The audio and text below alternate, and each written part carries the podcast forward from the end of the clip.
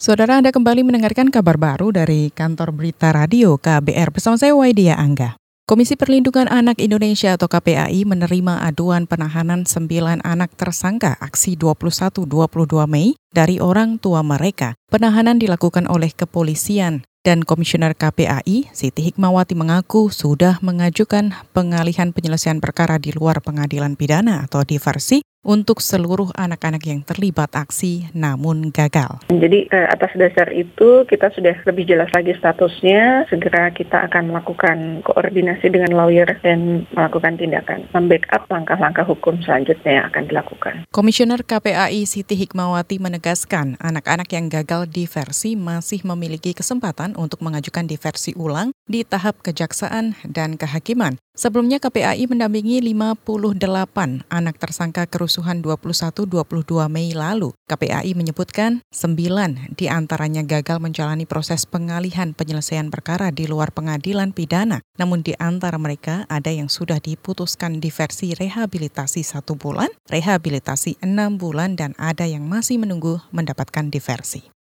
Saudara kita ke informasi selanjutnya, Badan Meteorologi, Klimatologi, dan Geofisika BMKG menjelaskan gempa bumi yang mengguncang Maluku dan Papua tidak saling berkaitan. Kepala BMKG Dwi Korita Karnawati menyebutkan gempa yang terjadi di dua zona tersebut tidak berpotensi tsunami. Kalau kita melihat sebetulnya pusat-pusat gempa itu baik yang berada di Papua bagian utara itu kan karena patahan lokal yang ada di sana. Di Laut Banda juga karena patahan yang ada di Laut Banda. Jadi tidak berkaitan. Kepala BMKG Dwi Korita Karnawati mengatakan saat ini belum ada laporan mengenai kerusakan yang terjadi akibat gempa. BMKG mengimbau masyarakat untuk tenang dan tidak terpengaruh kabar yang tidak dapat dipertanggungjawabkan. Hari ini terjadi dua gempa, yakni di Memberamo, Papua, dengan magnitudo 6,1 dan gempa di Kabupaten Maluku Tenggara Barat dengan magnitudo 7,4.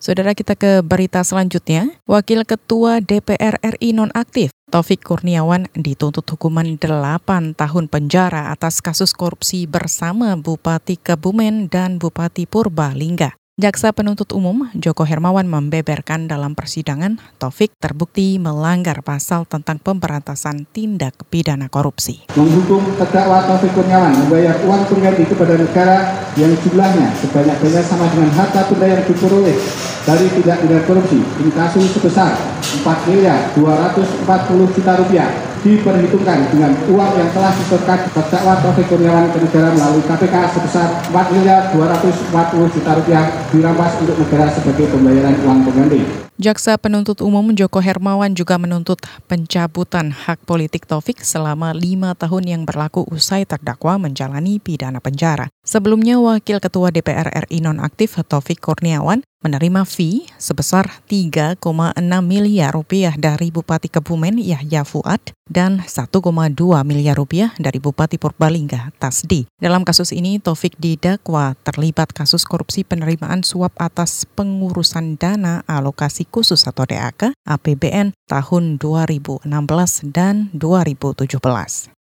Kita ke berita internasional. Satu kereta penumpang yang menuju ibu kota Dhaka, Bangladesh tergelincir pada hari ini dan menewaskan sedikitnya lima orang serta melukai lebih dari 100 orang lainnya. Insiden tersebut terjadi di dekat distrik Molavi Bazar, kilometer 210 timur kota Dhaka. Pejabat kepolisian Bangladesh Muhammad Syahjala maksud kami menyebut jumlah korban tewas di dalam dua gerbong yang jatuh kemungkinan bertambah. Menurutnya, sejumlah korban juga masih tertahan di dalam gerbong. Sejumlah pihak menyatakan kecelakaan kereta api kerap terjadi di Bangladesh, terutama di perlintasan tanpa pengawasan. Saudara demikian kabar baru dari KBR, saya Waidia Angga.